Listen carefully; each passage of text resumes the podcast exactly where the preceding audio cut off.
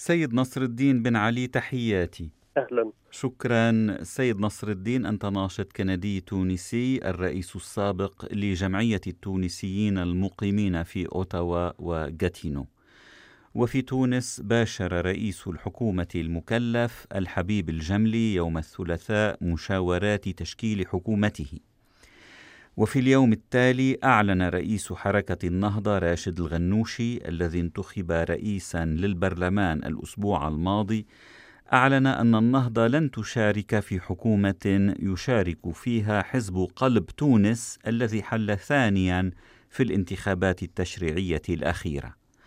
وكان الغنوشي قد طالب باستبعاد قلب تونس الذي يقوده رجل الأعمال نبيل القروي من مفاوضات تشكيل الحكومة في خطوة قال إنها وفاء بالوعد الذي قطعناه على أنفسنا.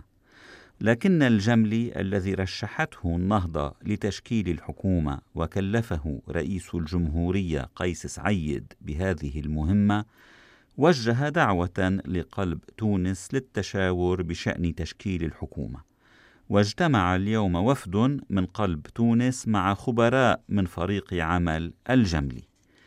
وكانت بعض القوى كحركة الشعب والتيار الديمقراطي قد وصفت تصريحات الغنوشي بالمناورة الجديدة بعد مناورة تشكيل البرلمان على حد تعبيرها والتي شهدت تحالفا بين النهضة وقلب تونس وانتهت بانتخاب الغنوشي رئيسا للبرلمان وسميرة الشواشي عن قلب تونس نائبة أولى له.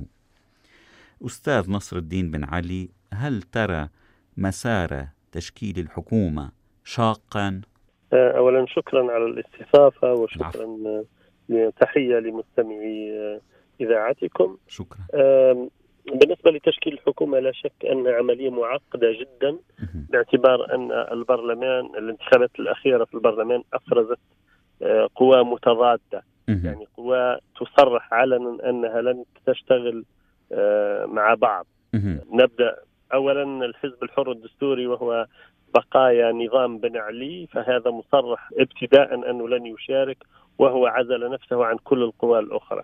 يبقى قلب تونس قلب تونس أنا أرى أن المشكل هي في زعيمه وهو نبيل القروي باعتبار أنه تعلقت به يعني شبهات تعامل مع قوى أجنبية للاستقواء بها في الانتخابات البرلمانية والرئاسية وبالتالي أصبح صرح الجميع تقريبا أنهم لن يتحالفوا معه باعتباره رمز من رموز الفساد.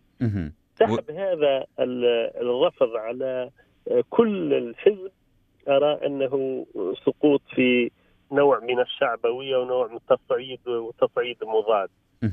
المشكل الكبير في تونس أنه ربما هذا شهده الانتخاب البرلمان أنه القوى كلها لما تصرح بعدم التعامل معه هي تتعامل معه خفية.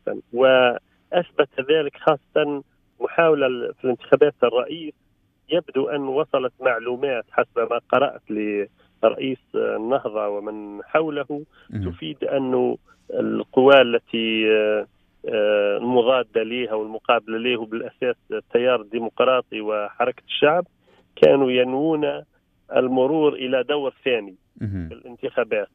وإذا مر الغنوشي للدور الثاني تتحالف كل القوى ضده مثلما آه، فعلوا مع النائب الثاني لرئيس المؤتمر حيث مر آه، مرشح ائتلاف الكرامة الأول في الدورة الأولى ولكن كل القوى مجتمعة تحالفت ضده في الدور الثاني فلو مر الغنوشي لدور ثاني ضد أي واحد منهم فكل البرلمان كل القوى الأخرى تتحالف مع بعضها في آه، تصعيد شخص ثاني مقابل الغنوشي.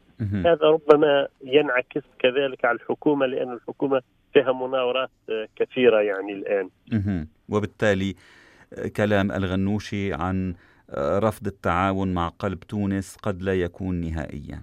يعني هو رفض الغنوشي يتعلق بحزبه. نعم. الآن رئيس الحكومة المعين المفترض أنه يكون حر في تشكيل الحكومة ممن يرى فيه الكفاءة. يعني نعم وهذا ما أكد عليه الحبيب الجاملي نعم. النهضة بإمكانها فقط أنها تقول أنها لو شارك قلب تونس مثلا لن نشارك في الحكومة ولكن لا يمكنها آه، إصدار إملاءات على رئيس الحكومة، رئيس الحكومة حر في تشكيل الحكومة ممن شاء يعني. طيب ما أهمية اطلاع رئيس حركة النهضة راشد الغنوشي بمهام رئيس البرلمان؟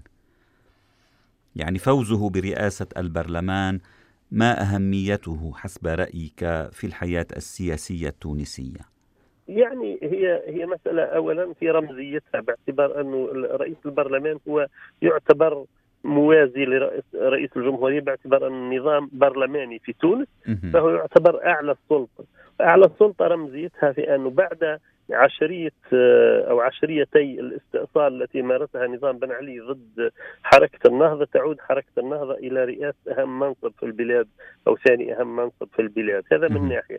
من ناحية ثانية يعني هذا يخول له المشاركة في مجلس الأمن القومي وفي عدة آه، لجان يعني عندها أهمية كبرى في تسيير شؤون الدولة يعني. طيب حسب الدستور أمام رئيس الحكومة المكلف شهران لإعلان تشكيلته الحكومية أي حتى الخامس عشر من يناير المقبل في حالة الحبيب الجملي وإلا يقوم رئيس الجمهورية بتكليف شخصية أخرى قلت أن مسار تشكيل الحكومة معقد هل تتوقع أن ينجز الجملي مهمته ضمن المهلة الدستورية؟ يعني أنا دائما متفائل في تشكيل الحكومة حتى لو الأحزاب يعني أعلنت عدم المشاركة فيها لأنه لو فشل الحبيب الجملي في آه تشكيل حكومته ثم عين آه شخصية ثانية لمحاولة آه، آه، تكوين حكومة وفشلت ستكون عودة إلى الانتخابات. وهناك عدد كبير من نعم العودة إلى الانتخابات بعد أربعة أشهر نعم تكون بعد أربعة أشهر. على التكليف الأول. نعم لو لو استحال تكوين الحكومة الآن يعني أن العودة للانتخابات مما يعني بالضرورة أن عدد كبير من النواب الحاليين ربما يفقدون مواقعهم في البرلمان وهذا ربما عدد منهم لا يغامر بهذا الاتجاه يعني. طيب كيف تتوقع شكل الحكومة الجديدة وما التحديات التي ستواجهها؟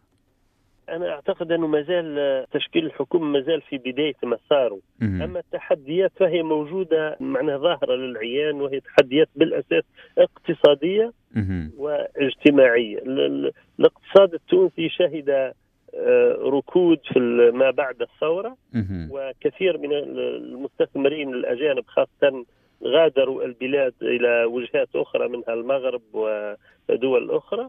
وبالتالي لأن المناخ السياسي لم يكن مستقرا فالآن الحكومة لما تأتي لابد أن تعالج هذه المشكلات بجدية كبرى. وأمام الحكومة تحدي آخر هو الاتحاد العام التونسي للشغل والمطلبية المشطة أحيانا. فهذه قد تعرقل النمو في البلاد وتعرقل الاستقرار السياسي والأمني اللي مطلوب لمناخ الاستثمار يعني في البلد. على كل حال ستكون لنا متابعة لهذا الملف. سيد نصر الدين بن علي من أوتاوا شكرا لهذا الحديث. العفو شكرا لك ولمستمعي إذاعة كندا الدولية شكرا على الاستضافة مرة ثانية. العفو تحياتي.